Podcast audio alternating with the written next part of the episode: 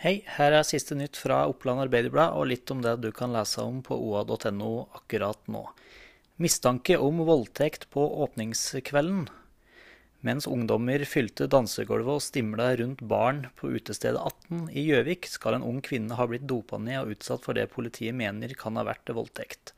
OA følger saken.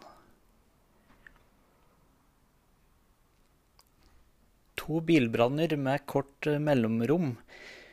Klokka 13 meldte politiets operasjonssentral om at en tilhenger sto i brann på rv. 4 ved kommunegrensa mellom Gran og Lunder.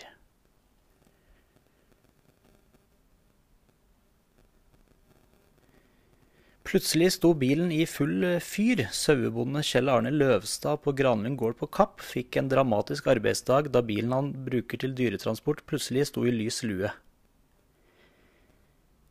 Deltakere utvist fra UKM. Reglene gjelder fra innsjekk fredag til ut utsjekk søndag. Det skal være godt kjent, sier Sigrun Tømt Ulseth i UKM til Oppland Arbeiderblad. Sesongen for Abdi på 19 år er over før den allerede har starta. FK Gjøvikelyns lovende midtbanespiller Mohammed Abdullahi fikk ødelagt et korsbånd i treningskamp og må se hele den kommende sesongen fra sidelinja.